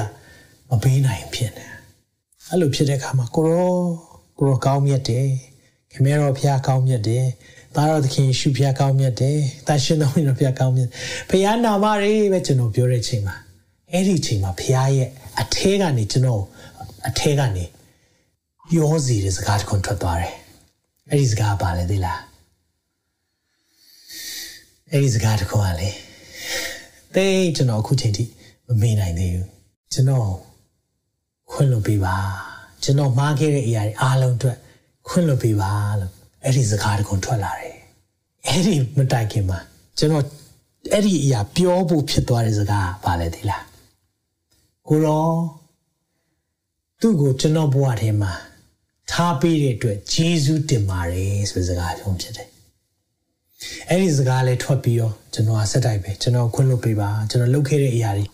အားလုံးအတွက်တောင်းပန်တယ်လို့ပြောတဲ့အခါမှာကျွန်တော်အဲ့ဒီနေ့ကလောက်လွတ်မြောက်သွားတာမရှိဘူး။မိတ်ဆွေအဲ့ဒီခါသီးခြင်းကလွတ်မြောက်တဲ့အရာသာလေသင်ကိုခံစားကြည့်စေခြင်းနဲ့သင်ကိုနားလေစေခြင်းနဲ့မိတ်ဆွေ သင်သဘောကောင်းတဲ့သူဖြစ်ကောင်းဖြစ်လိမ့်မယ်သင်သဘောထားပြည့်ဝတဲ့သူဖြစ်လိမ့်မယ်ဒါမှကျွန်တော်ပြောပြမယ်ဒီဆောင်ပွဲလူတိုင်းဖြေရတာနော်ပြည့်စုံပါတယ်ဆိုတဲ့သခင်ယေရှုတောင်ဖြေခဲ့ရတာဖြစ်တယ်ဒါကြောင့်မလို့ဝါကားတိုင်းမှာသူ့ကိုရိုက်တဲ့အချိန်တတ်တဲ့အချိန်မှာ तू ကဘာပြောလဲကိုရောဒီသူရဲ့အပြစ်ကိုလွတ်ပေးပါတဲ့ကြည်အောင်နော်သူ့မှာအပြစ်မရှိတာမဟုတ်တာသခင်ကကျွန်တော်တို့ကိုလေ तू မလုံနိုင်တဲ့အရာဘယ်တော့မှမခိုင်းဘူးကျွန်တော်ပြန်ပြောမယ်နော် ဖျားသခင်ကကျွန်တော်တို့ကိုတခုခုလှုပ်ခိုင်းနေဆိုရင် तू မလုံနိုင်တဲ့အရာဘယ်တော့မှမခိုင်းဘူးအာဗြဟံကိုမင်းရဲ့သားလေးပေးပါလို့ပြောတဲ့ခါမှာ तू ကိုယ်တိုင်သူ့သားကိုပေးရဲလို့လေဒါပေမဲ့အာဗြဟံရဲ့သားကို तू မယူသွားဘူးတင့်ကိုခွင့်လွတ်ပါလို့ပြောခိုင်းတာလှုပ်ခိုင်းတာသူကိုယ်တိုင်လက်ဝါးကားတိုင်းမှာနောက်ဆုံးချိန်ထိဤသူတို့ရဲ့အဖြစ်ကိုလှုပ်ပါလို့လှုပ်ပြခဲ့လို့ဖြစ်တယ်မ မိတ်ဆွေ ဖခင်ခွန်အားနဲ့ဒီနေ့ရင်ဆိုင်ရအောင်ဟာလေလုယာဖခင်ခွန်အားနဲ့ကျွန်တော်တို့တွေသွားရအောင်သင်ခွန်အားနဲ့တော့သင်တောင်းပန်နိုင်မှာမဟုတ်ဘူးကြီးလို့ရမှာမဟုတ်သူ့ကိုတွေ့တာနဲ့ထွက်ပြေးခြင်းလိုက်မယ်ရှောင်ခြင်းလိုက်မယ်သူ့ကိုတွေ့တာနဲ့သင်အမျိုးမျိုးလုပ်လိုက်မယ်ဒါပေမဲ့ကျွန်တော်နားလဲစေချင်တယ်သင်ဒီနေ့အစိတ်ခွက်တစ်ခွက်ကိုတောက်ထားပြီးတော့တခြားလူတယောက်သေဖို့မဆောင်ပါနဲ့အဲ့တယောက်သေမှာမဟုတ်သင်ပဲသေမှာတနည်းအားဖြင့်ခွင့်မလွတ်ခြင်းဆိုတာလေ သင်ခါးသီးခြင်းဆိုတာလေအစိတ်ခွက်နဲ့တူတယ်။သင်တောက်ထားမိပြီဆိုရင်သင်မဲဒုက္ခရောက်တော့မှာအဲ့အစိတ်ထုတ်ဖို့လိုတယ်။အဲ့စိတ်ဖြည့်စည်းရှိတယ်။ဒီနေ့ကျွန်တော်ပြောပြမယ်။မိတ်ဆွေအဲ့ဒီအစိတ်ဖြည့်စည်းကတခြားမဟုတ်ဘူး။သခင်ရဲ့မေတ္တာဖြစ်တယ်။သခင်ရဲ့မေတ္တာကျွန်တော်တခြင်းနေဆိုရမလား။သခင်မြင်တတ်တယ်လို့ကျွန်တော်မြင်စေပါ။သခင်ပြောတဲ့အတိုင်း ပြောတတ်စေပါအမလေးအကြီးကျယ်ဆိုတာသခင်ပြောတဲ့အတိုင်းသခင်ဘာပြောလဲဤသူတို့ရဲ့အပြစ်ကိုလွတ်ပါတဲ့အဲ့ဒါသခင်ပြောသွားတယ်လေသခင်ပြောတဲ့အတိုင်းကိုကျွန်တော်တို့ပြောနိုင်ပြီလားမိတ်ဆွေအားလုံးဒီစာမွဲကိုဖြေဖို့လိုတာနော်တစ်ခေါက်အောင်ဘူးတိုင်းဒီစာမွဲကလေပြီးသွားတာမဟုတ်ကျွန်တော်ဘဝမှာအဲ့ဒီတစ်ချိန်အောင်ဘူးတိုင်းဒီနေ့မဖြေရတော့ဘူးမဟုတ်ဒီနေ့လည်းဖြေနေရတော့မယ်ဖြေဖို့လည်းရှိနေပြန်ရောဘာကြောင့်လဲ ဖခင်ကကျွန်တော်တို့80 84လို့ပြောထားတာအကြောင်းရှိတယ်။ဘာကြောင့်လဲဆိုတော့တစ်ကြိမ်ပဲကြုံရမယ့်အရာမဟုတ်ဘူး။ဒါကြောင့်အမြဲတမ်းကြုံရမယ့်အရာဖြစ်တာကြောင့်မလို့တင့်ကိုဖခင်ကကြိုပြောပေးတာ80 84မိတ်ဆွေ80 84 490သင်ကြုံနေအောင်မှာပဲဒီဆောင်ပွဲတပွဲမှာအောင်သွားတယ်တပွဲမှာကျသွားလိမ့်မယ်ကိစ္စမရှိဘူးဒီနေ့ပြန်ထားရအောင်အာမင်ဒီနေ့မှာသင်ပြန်ထားရအောင်သင်လူလိမ်မဖြစ်ရအောင် ဒီနေ့ကျွန်တော်တင့်ကို condemnation ဆိုတဲ့အပြစ်တင်နေတာမဟုတ်ဘူးကျွန်တော်ကိုနိုင်လေဒီရဲ့နှုတ်ကပတ်တော်ပြန်ကြားဖို့လို့လို့ဒီနေ့ဟောတာဖြစ်တယ်ကျွန်တော်ဒီအကြောင်းဟောလို့မြောက်များစွာသောလူတွေလွတ်မြောက်ဖူးတယ်ဒါမဲ့မိုက်လို့မျိုးကျွန်တော်မဖြစ်ချင်ဘူးနှုတ်ကပတ်တော်ကိုထဲကတော့စီစဉ်သွားပြီးတော့ကိုအတွက်မဟုတ်တာမျိုးမဖြစ်စေချင်ဘူးအဲကြောင့်ဒီနေ့ဟောတယ်ပြောတယ်ဆိုတာကျွန်တော်အတွက်လည်းဖြစ်တယ်ကျွန်တော်လည်းခွန်အားပြန်ဖြစ်ဖို့ဖြစ်တယ်နှုတ်ကပတ်တော်ဓားကနှစ်ဖက်ဓားတင်ထိတယ်လို့ကျွန်တော်လည်းထိတယ်အဲကြောင့်တင် သူတပားတွေအဖြစ်ကိုခွင့်လွတ်ပါလို့ပြောတဲ့သခင်အတိုင်းကျွန်တော်လည်းပြောရအောင်ကျွန်တော်လည်းစူးစမ်းမယ်သင်လည်းစူးစမ်းရအောင်ဘာနဲ့စူးစမ်းတာလဲဂျေဇုတော်နဲ့ဂျေဇုတော်ဆိုတာမလုံနိုင်တဲ့အချိန်မှာအားနေတဲ့အချိန်မှာကိုယ့်အတွက်ခွန်အားဖြစ်တာဟာလေလုယာဟာလေလုယာသင်နာကျင်တဲ့လူတွေရှိလိမ့်မယ်သင်ခါးသီးတဲ့လူတွေရှိလိမ့်မယ်ဒါပေမဲ့လေအဲ့ဒီခွင့်လွတ်ခြင်းရဲ့နောက်ွယ်ကောင်းကြီးကိုပြောပြခြင်းတယ် အဲ့ဒီလွတ်မြောက်ခြင်းရဲ့နောက်ွယ်မှာကောင်းကြီးကြီးမားစွာရှိတယ်မိတ်ဆွေသင်လွတ်မြောက်တာမှလေပေါ်ပါပြီးတော့လွတ်မြောက်သွားလိမ့်မယ်သင်ဒီနေ့သွေးတွေတိုးနေတာတခြားကြောင့်မဟုတ်ဘူးသင်ဒီနေ့နှလုံးတွေယောဂရနေတာတခြားကြောင့်မဟုတ်ဘူးသင်ခွင့်လွတ်ဖို့လို့လို့သင်ခါသီးတဲ့ပင်စီကိုဆွဲထုတ်ဖို့လို့တယ်ဒီနေ့ဒီနှုတ်ဘတ်တော်သင်ကြားရဲဆိုဖခင်ကလေတိုက်ဆိုင်စွာကြားခိုင်းတာမဟုတ်ဘူးဒီနေ့ သင်ကိုဓာတ်ရိုက်စကားပြောနေတာဖြစ်တယ်ကျွန်တော်ကိုဓာတ်ရိုက်စကားပြောနေတာဖြစ်တယ်ဒီအောင်ဟောနေတဲ့အချိန်မှာကျွန်တော်လှုပ်ဆောင်ရမယ့်အောင်ဝိညာဉ်တော်ကကျွန်တော်နားထဲမှာအခုပြောနေတယ်ကျွန်တော်လှုပ်ဆောင်ပါပါသင်ကိုလည်းလှုပ်ဆောင်စေချင်တယ်အဲကြောင့်ခွင့်လွှတ်ခြင်းသင်ခန်းစာခွင့်လွှတ်ခြင်းဆောင်ပွဲက80ခုနှစ်လီဖြစ်တယ်အာမင်အဲ့ဒီခွင့်လွှတ်ခြင်းနောက်ွယ်မှာကြီးမားသောကောင်းကြီးရှိတယ်။ကြီးမားသောဖျားပြင်ဆင်ထားတဲ့အရာရှိတယ်။တင့်ကိုပိတ်နေတာခါသီးခြင်းကပိတ်နေလိမ့်မယ်။ offense လို့ခေါ်တာ offense လို့ပြောတိုင်းတားဆီးမှုဖြစ်တယ်။အဲ့ဒီတားဆီးမှုကတင့်ကိုကာနေတယ်ဆိုရင်လေအဲ့ဒီအကာတွေကိုဒီနေ့ဖယ်ရအောင်။ hallelujah ကြီးမားသောလှုပ်ရှားမှုတင်နောက်တစ်ဆင့်တက်ဖို့ကာတာတခြားမဟုတ်ဘူးအဲ့ဒီရဲ့ခါသီးမှုကကာနေတာအဲ့ဒီခါသီးမှုကိုလေဖခင်ရဲ့ချုံမြိန်နဲ့ချစ်ချင်းမေတ္တာနဲ့ပဲဖောက်ထုတ်လို့ရတယ်အာမင်ဒါကြောင့်မလို့ကျွန်တော်တို့တွေ420တွေမဖြစ်ရအောင်ပုံမှန်420နဲ့မညီရအောင်တိရော420မှာ ဘာပြောလဲတစုံတယောက်ဖျားကိုချစ်တယ်ဆိုပြီးမိမိညီကိုပြောရင်လူလိမ်မယ်မမြင်ရတဲ့ဖျားကိုဘယ်လိုချစ်တာလဲမြင်နေရတဲ့ညီကိုတွေအရင်ချစ်အောင်မိတ်ဆွေသင်လည်းကြိုးစားရအောင်ကျွန်တော်လည်းကြိုးစားဖို့လိုတယ်ခြေလမ်းတော့လှမ်းဖို့လိုတယ်ဖခင်အောဂျေဇုတော်အောင်မှာငါတို့ကဘာတာတွေလှုပ်ဆက်မလို့မိတ်ဆွေသင်အဲ့လိုခါးသီးခြင်းနဲ့ဘဝဆုံးသွားတာကျွန်တော်မလို့စေမလို့ချင်ဘူးကျွန်တော်ဘဝလည်းအဲ့ဒီခါးသီးမှုနဲ့သွားတဲ့ခါမှာယောဂရတာပဲဖတ်တင်တယ် အဲ့ဒီနောက်ွယ်မှာလွတ်မြောက်ခြင်းရှိတယ်အာမင်ခွင့်လွတ်ခြင်းနောက်ွယ်မှာလွတ်မြောက်ခြင်းနဲ့ကောင်းကြီးရှိတယ်အဲ့ဒီ2005စပြီးတော့အဲ့ဒီဆောင်ပွဲအောင်ပြီးတဲ့နောက်ပိုင်းမှာကျွန်တော်ဖုန်းဝင်လာတယ်အမေရိကကနေဖုန်းဆက်တယ်ဆရာကျွန်တော်တို့အမေရိကကိုခေါ်ချင်တယ် Praise and Worship လူငယ်အယောက်300လူငယ်ခေါင်းဆောင်တွေကိုတင်ပေးပါဒီအသင်းတော်ပေါင်း30ကျော်စုထားတဲ့လူငယ်300ရှိတယ်ဆရာအဲ့ဒီမှာဝင်ငါပေးပါတဲ့ မိတ်ဆွေကျွန်တော်ယုံကြည်တယ်အဲ့ဒီခါတီးချင်းစာမွဲကိုကျွန်တော်အဲ့ဒီမှာမဖြေခဲ့ဘူးဆိုရင်လေအဲ့ဒီအခွင့်အရေးလည်းရမှာမဟုတ်ဖခင်ကလေကျွန်တော်တို့ကိုပြင်ဆင်ထားပေးတဲ့ကောင်းကြီးမြောက်များစွာရှိတယ်ဒါပေမဲ့မိတ်ဆွေဘက်ကတော့တခုလုပ်ဖို့လိုတယ်အဲ့ဒီအရာလေးတွေကိုသင်ဖြေသွားဖို့လိုတယ်အာမင်ဒါကြောင့်မလို့ကျွန်တော်တို့တွေဒီနေ့ဒီအရာကိုနားလည်စေချင်တယ်တကယ်တော့နှုတ်ဘတ်တော်ထဲမှာပြန်ကြည့်တဲ့အခါမှာဘာပြောလဲဆိုရင်ငါဒီ နော်အငယ်33ကြည့်အောင်ငါဒီတင့်ကိုတနာတကယ်တော့တင်းဒီလဲကျွန်းချင်းကိုမတနာအပ်သလောဘုရားတင့်ကိုတိတ်တနာတာငါတို့အပြစ်ရှိစေမင်းခရစ်တော်ဒီငါတို့အပြစ်ကြောင့်သိခံတယ်ကျွန်တော်တို့ကောင်းလွန်းလို့ तू အသေးခံပေးတာမဟုတ်ဘူးနော်မကောင်းလွန်းလို့အပြစ်ရှိတဲ့အချိန်မှာတော့တင့်အတွက်အသေးခံပေးတဲ့ဘုရားဖြစ်တယ်တင့်ကိုအလောက်ထိချစ်တဲ့ဘုရားဖြစ်တယ်ဒါကြောင့်ငါဒီတင့်ကိုတနာတကယ်တော့ဖခင်ကျွန်တော်တို့ကိုတနာတာကိုသင်နားလေလား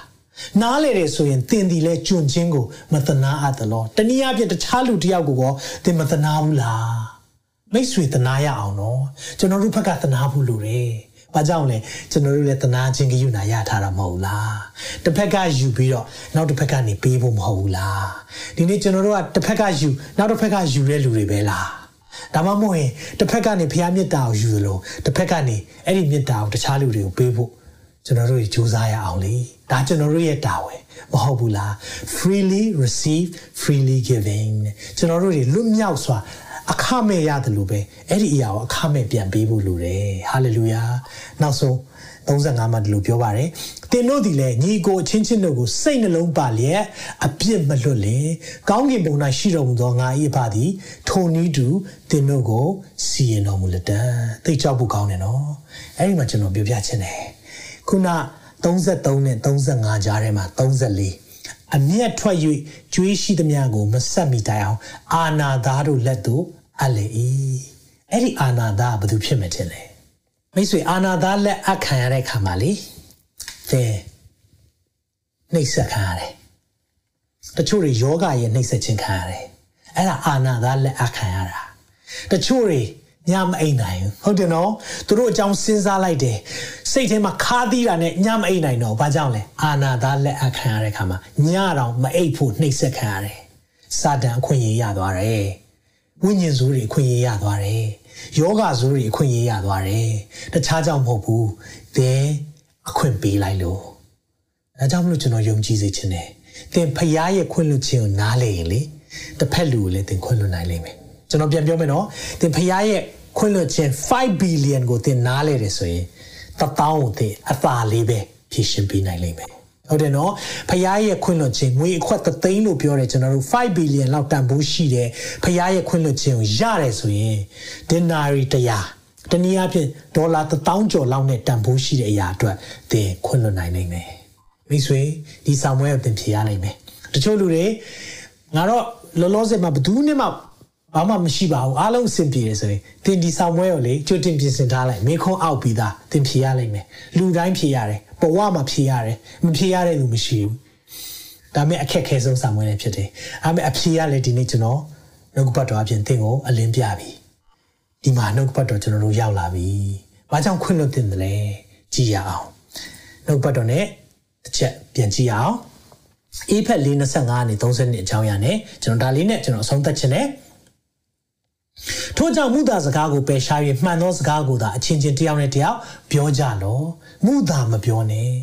ကျွန်တော်တို့ကနည်းနည်းလေးပို့ပေးလိုက်တာတို့နည်းနည်းရင်းထဲလိုက်တာတို့စသဖြင့်အဲ့နာတွေကြောင့်မလို့တယောက်နဲ့တယောက်အဆင်မပြေတာဖြစ်တယ်အကြောင်းမူကငါတို့ဒီအချင်းချင်းအင်္ဂါချင်းဖြစ်တယ်ကျွန်တော်တို့တွေကကိုယ်ခန္ဓာဖြစ်တဲ့ခါမှာအင်္ဂါချင်းဆိုတာအားလုံးကဆက်နွယ်နေတယ်လက်နာလို့လက်ပဲနာတာမဟုတ်ဘူးလက်တန်းလေးနာလို့ ဒါတော့လက်တန်းနဲ့ပဲဆိုင်တယ်လုံးလို့မရဘူးတကူလုံးနာတယ်ခလုတ်တိုက်တဲ့ခါမှာခြေမနာရင်ပါဇက်ကဘာလို့အာပါဇက်ကဘာလို့ညီးလဲဆက်ဆက်နေလို့လေဖတ်ကြည့်အောင်အမျက်ထက်ရတယ်အပြစ်မရှိစေနဲ့ဟာဒါဆိုအမျက်ထွက်အမျက်ထွက်ရအမျက်ထွက်တတ်လားဆိုထွက်တတ်တယ်လူတိုင်းအမျက်ထွက်တတ်တယ်ဒါပေမဲ့အပြစ်မဖြစ်မရှိစေနဲ့ဆိုပါလေသိလားအမျက်ဒေါသထွက်တဲ့အချိန်မှာစကားနဲ့ပြောပလိုက်တာစကားစကားလွန်သွားတာ အဲ့ဒီဟာကပြဿနာရှိတာအမျက်ထွက်တာအထိကပြဿနာမရှိသေးဘူး be angry and don't blow it เนาะဆိုတော့ be angry ဆိုတာစိတ်တော့ဆိုးလို့ရတယ်ဒါပေမဲ့အဲ့ဒီအချိန်မှာအပြစ်ဖြစ်တဲ့စကားတွေလက်ပါသွားတာတို့เนาะအမျက်ထွက်တဲ့ခါမှာတခုခုနဲ့ကောက်ပေါက်လိုက်တာအဲ့ဒါအပြစ်ဖြစ်သွားတယ်အမျက်ထွက်တဲ့ခါမှာငါတော့မင်းကိုပြောလိုက်တဲ့ဟာတွေအဲ့ဒါကအပြစ်ပါသွားတယ်အမျက်မပြေပဲနေမဝင်စေနဲ့တနည်းအားဖြင့်သင်အိမ်မပြောဘဲနေလိမ့်မယ်အမျက်ထွက်ပြီးကျွန်တော်ညအိတ်လို့မရဟုတ်တယ်မလား မာနကိုအခွင့်မပေးနဲ့တွေ့လားကျွန်တော်တို့အဲ့ဒီမှာနှုတ်ကပတ်တော်တွေ့တယ်နော်ခုနပြောတဲ့အကြောင်းအရာနဲ့ချိတ်ဆက်ထားတယ်ဒါကြောင့်မလို့ကြည့်တဲ့အခါမှာမာနကိုအခွင့်မပေးမိဖို့လိုတယ်သင်မာနကိုသာအခွင့်ပေးမိသွားပြီဆိုရင်လေသင်ညလည်းအိပ်ပျော်တော့မှာမဟုတ်ဘူးခိုးတတ်သောသူတွေနောက်တစ်ဖက်မခိုးပဲဆင်းရဲသောသူအားပေးကမ်းဝင်ငါညာရှိစေခြင်းကမိမိလက်နဲ့ကောင်းသောအလုပ်ကိုလှုပ်ဆောင်ရန်အားထုတ်လို့တဲ့အဲ့ဒီအချိန်မှာဗာပြောတာလေဆက်ပြီးတော့အောက်ကြည့်အောင် ညဉ့်ညူးသောစကားတစ်ခုကိုများသင်တို့နှုတ်ကမထွက်စေနဲ့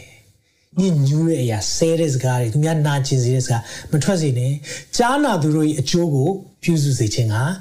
တိဆောက်เสียဖို့ကောင်းသောစကားကိုသာသုံးဆောင်ကြလော။ဘာကြောင့်အဲ့လိုပြောခိုင်းတာလဲ။ပြောပြမယ်။ကျွန်တော်တို့စိတ်ဆိုးသောသားထွက်တယ်။သူများကိုချီနှောင်တဲ့အရာတွေသူများကိုသွားပြောလိုက်တဲ့စကား30မှန်။ ဘာကြောင့်မပြောသင့်လဲဆိုတာဒီမှာပြောပြထားတယ်။ရွေးနှုတ်ခြင်းနည်းရဲ့တိုင်အောင်သင်တို့ကိုတစိတ်ခတ်တော်မူသောဘုရားသခင်တန်ရှင်သောဝိညာဉ်တော်ကိုစိတ်မနာစေကြနဲ့။ဘုရားစိတ်နာတယ်။ကျွန်တော်တို့ခါးသီးခြင်းကဘုရားကိုစိတ်နာစေတယ်ကျွန်တော်တို့စကားကြမ်းခြင်းကဘုရားကိုစိတ်နာစေတယ်ကျွန်တော်တို့အမျက်ထွက်ပြီးတော့အပြစ်ပါလိုက်တဲ့အရာလက်ပါလိုက်တဲ့အရာ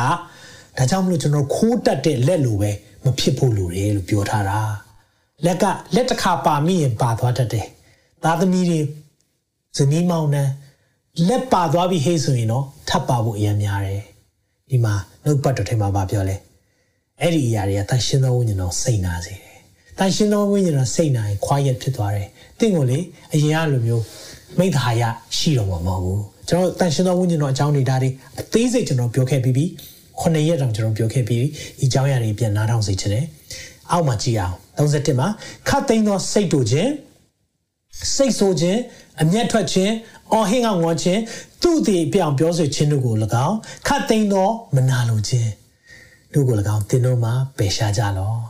နှစ်ခုရှိရနော်ပါဇက်နဲ့မှားတဲ့အရာနဲ့စိတ်နဲ့မှားတဲ့အရာနှစ်ခုလုံးပြောထားရနော်ပြန်ဖတ်ပြမယ်စိတ်တူခြင်းစိတ်ဆိုးခြင်းအမျက်ထွက်ခြင်းအော်ဟင်းကဝင်ခြင်းသူ့အသေးပြအောင်ပြောဆိုခြင်းဒါတွေကပြောတဲ့အရာတွေစိတ်ဆိုးပြီးဖြစ်တဲ့အရာနဲ့ခတ်သိမ်းတော့မနာလိုခြင်းအဲ့ဒီ jealous ကြောင့်ဖြစ်တာတကယ်တော့တင့်နှလုံးသားထဲကမမှန်လို့ထွက်လာတာဒီစကားအဲ့မှာ တင်းတို့မှပယ်ရှားကြတော့တဲ့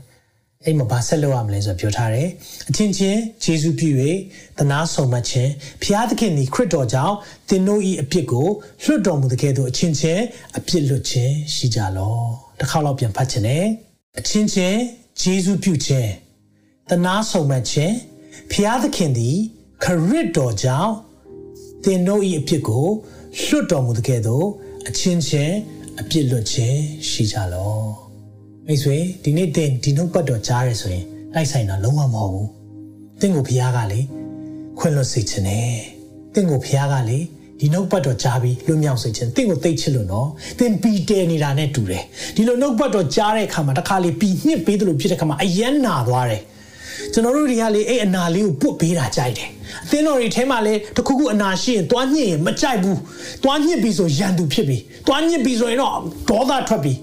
တကယ်တော့အဲ့နာကျင်တဲ့ဟာကိုကျွန်တော်တို့ကပုတ်ပေးတာပဲကြိုက်တာတကယ်တော့အဲ့ဒီပီထွက်သွားတာကောင်းတာလေ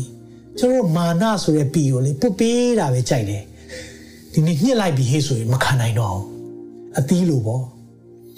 ကျွန်တော်တို့လိမ္မော်သီးကိုညှစ်လိုက်တယ်ဆိုရင်လေလိမ္မော်ကြီးထွက်လာတယ် တင်စိတ်တူချင်းဒေါသထွက်ခြင်းတွေထွက်လာတယ်ဆိုရင်လေတင့်ထဲကရှိတဲ့အရာတခုခုဖြစ်လို့တင့်ထဲမှာဘာရှိနေလဲရှိတဲ့အရာအမြဲထွက်လာတယ်တင့်ထဲမှာနှလုံးသားထဲမှာခါးသီးချင်းရှိပြီဟဲ့ဆိုရင်ဖိခါပြီးအညှစ်ခံရပြီးကြောင်ပို့ခံရပြီးဆိုရင်လေထွက်လာတယ်အဲကျွန်တော်နောက်ဆုံးကျွန်တော်တို့ဒီအသင်းတော်တွေမပိတ်ခင်မှာနောက်ဆုံးဟောတဲ့နှုတ်ဖတ်တော်မှာဆိုကျွန်တော်အဲ့ဒီအသီးညစ်ခြင်းအကြောင်းပြောတာတကယ်ပဲ ကျွန်တော်တို့တွေအဲ့အသီးညှစ်ခံရပြီဆိုအထဲကဘာထွက်လာလဲသိရကြည့်တယ်စပြည့်တီကိုညှစ်တဲ့ခါမှာစပြည့်ကြီးထွက်တယ်ခါသီးချင်းကိုညှစ်ရင်တော့ခါသီးချင်းပဲထွက်မှာမိတ်ဆွေဖခင်အသင်ကိုလေအတီးတီးတဲ့အသက်တာပဲမဟုတ်ပဲနဲ့အရေးစပြည့်ကြီးထွက်တဲ့ဒီဖခင်ကလိုချင်တာအဲကြောင့်မလို့သင်ညှစ်ခံရလို့ထွက်လာတဲ့အရာတွေတင့်ထဲမှာရှိလို့တကယ်တော့အဲ့ဒါအသီးနဲ့မဆိုင်ဘဲနဲ့အပင်ကိုကန်ရမှာ တနည်းအားဖြင့်တင့်နှလုံးသားကိုကန်ရမှာနှလုံးသားထဲကအမြင့်တွေတဲ့ဟာကိုဒီနေ့ဆွဲထုတ်ရအောင်ကျွန်တော်ခွန်အားနဲ့တော့ဆွဲထုတ်ပေးနိုင်မှာမဟုတ်ဘူးဒါပေမဲ့ဖခင်ရဲ့အလင်းနှုတ်ပတ်တော်အလင်းအဖြစ်သင်ဆွဲထုတ်ခံခြင်းနေပြီဒီတယ်ကျွန်တော်ဆုတောင်းပေးခြင်းတယ်သင်ဘဝမှာဒီဆောင်ဝဲဖြစ်ရလိမ့်မယ်တိတ်ခက်ခဲတယ်ကျွန်တော်ဘဝမှာလည်းဒီဆောင်ဝဲတိတ်ခက်ခဲတယ်ဒါမဲ့လေဖြေခဲ့ရတယ်အောင်ခဲ့တယ်ဖြေရအောင်မယ်အောင်အောင်မယ် အာမင်ကျွန်တော်ယုံကြည်တယ်ဖြေနေရအောင်ပါပဲ89လီ490ချိန်ဖြေနေရအောင်ပါပဲပြီးသွားမှာမဟုတ်ဖြေနေရအောင်ပါပဲဒါမဲ့အမြဲတမ်းသတိရပါဖခင်ရဲ့ခွင့်လွှတ်ခြင်းဟာ5 billion နဲ့တန်ဖိုးညှိတယ်လို့သဘောပေါက်လိုက်ပါအဲ့ဒါဆိုရင်လူတွေကိုယ့်အဖို့ပြစ်မှားတဲ့ဟာတထောင်ဖိုးလောက်ပဲရှိတယ်လို့သင်သိလိုက်ပါမလဲပါနဲ့မတတ်ပါဘူးအာနာသားလက်မအခန့်ရပါစေနဲ့ အာနာသားလက်ကိုအခန့်ရပြီဟဲ့ဆိုရင်သင်မလွတ်မြောက်တော့ဘူးအာနာသားတွေကသင်ကိုညှင်းဆဲတော့မယ်နှိပ်စက်တော့မယ်အဲ့ဒီအချိန်မှာသင်ခံစားရတော့မယ်တခါကျွန်တော်ဒီအကြောင်းအရာလေးပြောပြီးတော့ကျွန်တော်ဆုံးသက်ခြင်းတယ်မလေးရှားမှာအာအမျိုးသားတယောက်အသက်နည်းနည်းကြီးနေပြီဆေးရုံ6ခါတက်တယ်ဆေးရုံ6ခါတက်ပြီးတော့သူ့ဘဝမှာနှလုံးနဲ့ဆိုင်ရာမှာသူ ကုသမှုတွေခံတယ်ပတ်စံလည်းအရန်အကျွေးတင်တယ်အများကြီးကုန်ပြီရှာသမျှလည်းဆေးရုံတက်တာနဲ့ကုန်တယ်သူ့ရဲ့လူမှုအတိုင်းဝိုင်းသူ့ရဲ့အသင်းတော်လူမျိုးတွေကလည်းအားလုံးကလည်းဒီဘက်သူ့ကျမ်းမာရေးအတွက်ကူညီပေးကြတယ်အဲ့ဒီခါမှာကျွန်တော်ပြန်ကန်နေပဲအဲ့ဒီနေ့မှာကျွန်တော်ဩစတြေးလျပြန်ဖို့အဲ့ဒီဟိုတယ်မှာသူဖုန်းဆက်လာတယ်ဆရာခဏလေးလေစိတ်မစင်းခင်မှာစောင့်ပေးပါကျွန်တော်ဆူတောင်းခံခြင်းလို့ပါတဲ့အဲ့နဲ့သူရောက်လာတယ်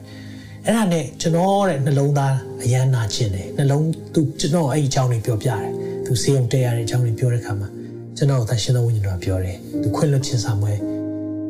မအောင်လို့လေအဲ့လိုပြောလဲပြောရောအဲ့ဒါနဲ့ကျွန်တော်သူ့ကိုပြောတဲ့ခါမှာကျွန်တော်ဖះပြောတာကိုပြောခွင့်ရမလားဆိုတော့ပြောပါတဲ့ခင်ဗျာခွင့်မလွတ်တဲ့လူရှိတယ်လို့ပြောတော့ဆရာဘယ်လိုသိလဲတဲ့ဖះဖွင့်ညံတော့ပေါ်ပြတယ်လို့ဟုတ်တယ် ကျွန်တော်သားလေးငငယ်တုန်းကရေနစ်ပြီးတည်သွားတာတဲ့အဲ့ဒီရေနစ်ပြီးတည်ဖို့ရန်အတွက်အဲ့ဒီရေကူးဖို့ခေါ်သွားတဲ့လူကိုကျွန်တော်ဒီနေ့အထိမကျေနပ်ဘူးသူ့ကိုတတ်ဖို့ဆိုပြီးတော့ကျွန်တော်မလေးရှားတော့ကျွန်တော်လိုက်လာတာအာကျွန်တော်တတ်ဖို့အချိန်ချင်းကြိုးစားတယ်အဲ့လိုလဲကြားရောကျွန်တော်စက်သိမ်းမွေးတွေထားပြီးအရန်ကိုလန့်သွားတာ no no no ဖယားနီးရမှာအလုံးမဟုတ်ဘူး မှန်တယ်သူကအဲ့လိုလှုပ်တဲ့ဥစ္စာကတိတ်ကိုမှားတဲ့ကိစ္စသူဒါပြစ်ဒဏ်ခံရမယ့်ကိစ္စဒါဒါမဲ့ကျွန်တော်တို့ရဲ့လက်ထဲမှာကျွန်တော်တို့စီရင်ဖို့မဟုတ်ဘူးကျွန်တော်နားလည်ပေးပါတယ်ကိုသားတယောက်အသက်ဆုံးရှုံးရင်သင်ဘယ်လောက်ခံစားရမလဲဆိုနားလဲတယ်။ဒါပေမဲ့အဲ့ဒီဒဏ်ရာနဲ့သင်ဘယ်လောက်ထိတော့နှလုံးနာနာပြီလဲလို့ပြောတော့နှစ်ပေါင်းရမ်းကြာပြီ။ကျွန်တော်အခုမြန်မာပြည်တော်ပြန်တော့မယ်။ဟုတ်ပြီ။အဲ့ဒါကျွန်တော်ခုနအခုဝင်ရတဲ့အကြောင်းအရာသူ့ကိုပြောပြတယ်။ပြောပြတဲ့အခါမှာ तू က ဆရာကျွန်တော်ဖေဟာခွင့်လွတ်တာပိုတန်ဖို့ကြီးပါတယ်။အဲ့ဒီနေ့မှာသူမျက်ရည်နဲ့မျက်ခွက်နဲ့နောင်တရတဲ့အခါမှာကျွန်တော်နှလုံးတက်တာသွားတယ်ဆရာတဲ့။စုမတောင်းသေးဘူးနော်။သူခွင့်လွတ်တယ်လို့ပြောတဲ့အချိန်မှာသူနှလုံးသားတက်တာတယ်။မိတ်ဆွေဒီနေ့တချို့လူတွေနှလုံးနာနေရလို့ရှိတယ်။တချို့ကြောက်ကပ်နာနေရလို့ရှိတယ်။ဒီຢာတွေအားလုံးကလေဘာနဲ့ဆက်ဆက်လဲသိလား။ဒီခါသီးခြင်းနဲ့ဆက်ဆက်တယ်။အခုသိပ္ပံပညာရှင်တွေစိတ်ပညာရှင်တွေကဒီအကြောင်းအရာဆက်ဆက်မှုတွေကိုသူတို့တွေ့လာတယ်။ တွေ့လာတဲ့အခါမှာသူတို့ကဘာပြောနေပြီလဲဆိုတော့ငါတို့ဒီဒီတိုင်းသွားဖို့မဟုတ်တော့ဘူးတဲ့။ခွင့်လို့ရမယ်နော်။ခါသီးတဲ့အရာတွေဖြေရမယ်နော်။ unforgiveness က built-inness တွေခါသီးခြင်းတွေကမကြမ်းပါစေဘူးဆိုတော့သူတို့တွေကနားလည်လာတယ်။ဖခင်ရဲ့နှုတ်ပတ်တော်ထဲမှာတော့ဖခင်အတိအကျပြောပြီးသားပဲလေ။အဲကြောင့်မိတ်ဆွေဒီနေ့မှာသင်ကိုမဆုံးရှုံးစေချင်ဘူး။သင်ကိုဒီနေ့လွတ်မြောက်စေချင်တယ်။ဒါကြောင့်ကျွန်တော်ဆုတောင်းပေးချင်တယ်။ သင်ဘဝမှာခါသီးခဲ့တယ်။ခွင့်လွှတ်ဖို့တွေရှိတယ်ဆိုရင်တန်ရှင်တော်ဝိညာဉ်တော်ဖခင်သင်ကိုအခုချိန်မှာနားလေရတဲ့ခွင့်ပေးပါစေ။ဒီနှုတ်ပတ်တော်အဖြစ်ခွင့်လွတ်နိုင်တဲ့ခွင့်ပေးရပေးပါစေသူတို့သမီးပြန်လာဖို့သူတို့သမီးတွေသူတို့သားပြန်လာဖို့ရန်အတွက်ဘာပြင်ဆင်ရမလဲဆိုရင်ဖြူစင်တဲ့နှလုံးသားလိုတယ်အဲ့ဒီနှလုံးသားထဲမှာခါသီးနေ၍တ၍သင်သင်စီမရှိတာနဲ့တူတူပဲသင်ကြံခဲ့မအောင်ကျွန်တော်အရန်ဆိုရင်မိတယ်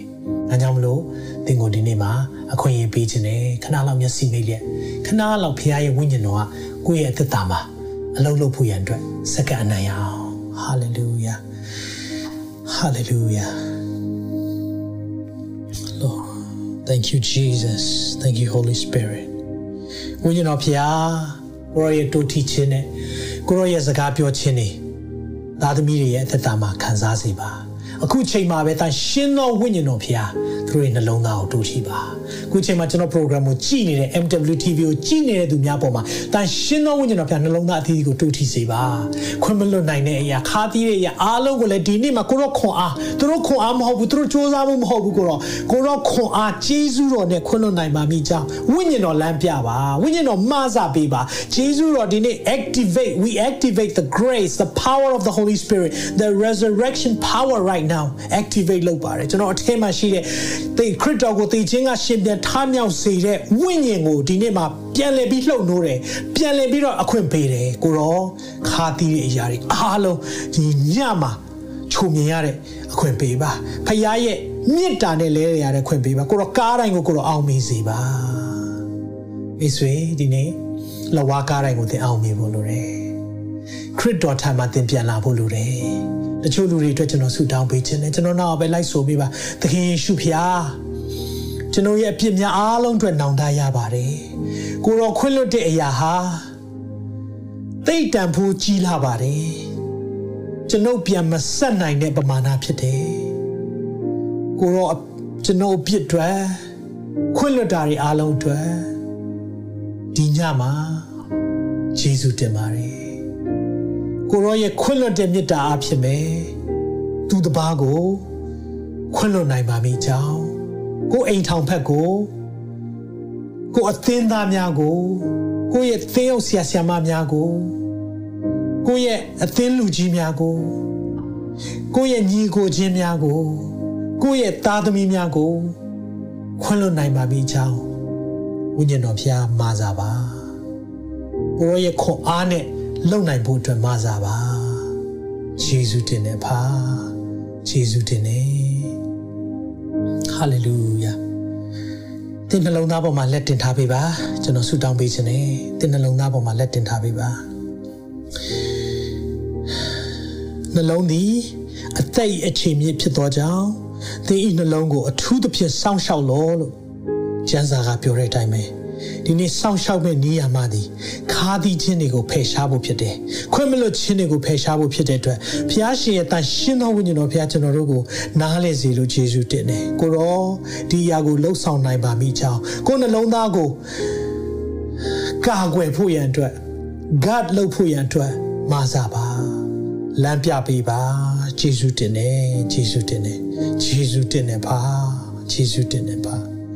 အလိုတော်ဟာကောင်းကင်ဘုံမှာပြည့်စုံတဲ့ကဲ့သို့ဤကြီးပေါ်မှာပြည့်စုံပါစေကြီးမြတ်တဲ့ဘုရားရှင်နာမကိုချီးမွမ်းသားတော်မြတ်ယေရှုနာမ၌ဆုတောင်းဆက်ကပ်ပါ၏အာမင်အာမင်အာမင်အာမင်ယေရှုတင်နေသင်ဒီနှုတ်ပတ်တော်ကိုကြားတယ်ဆိုတာဖခင်ကတင့်ကိုလေဒီညလွတ်မြောက်စေချင်တာဖြစ်တယ်ကျွန်တော်ရဲ့ဟောကြားမှုကောင်းလို့မဟုတ်ပါဘူး။ဒါရှင်တော်ဝိညာဉ်တော်တင့်ကိုစကားပြောတာဖြစ်တယ်။နှုတ်ကပတ်တော်ဟာတန်လျက်တကာတို့တက်ထက်တယ်။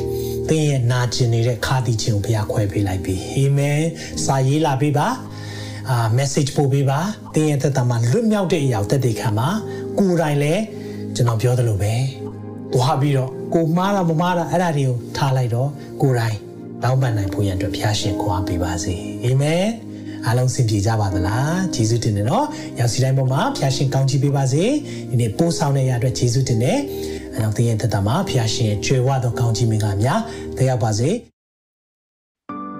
တင်ခုလိုနာဆင်ခွန်အားနိုင်ခြင်းဟာမြန်မာ Worship Ministry ကိုလာဆင်ပန်ပိုးနေကြတဲ့ Kingdom Partners များအကြောင်းဖြစ်ပါတယ်။ဖျားခင်နိုင်ငံတော်ကျယ်ပြန့်ရေးအတွက်လာဆင်ပေးကမ်းပောင်းဖို့ရန်ဖိတ်ခေါ်လိုပါတယ်ရှင်။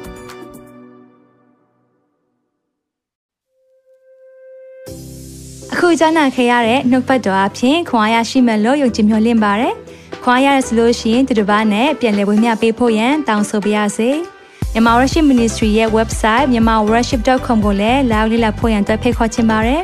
တစ်ချိန်တည်းမှာမြန်မာ Worship Ministry ရဲ့ social media platform များဖြစ်တဲ့မြန်မာ Worship YouTube Channel မြန်မာ Worship Facebook Page နဲ့မြန်မာ Worship Instagram များကိုလည်းလာရောက်လေ့လာဖို့ရန်အတွက်ဖိတ်ခေါ်ချင်ပါတယ်။နောက်တစ်ချိန်မှာပြန်လည်ဆုံတွေ့ကြပါစို့။ဖျားရှင်ကောင်းကြီးပေးပါစေ။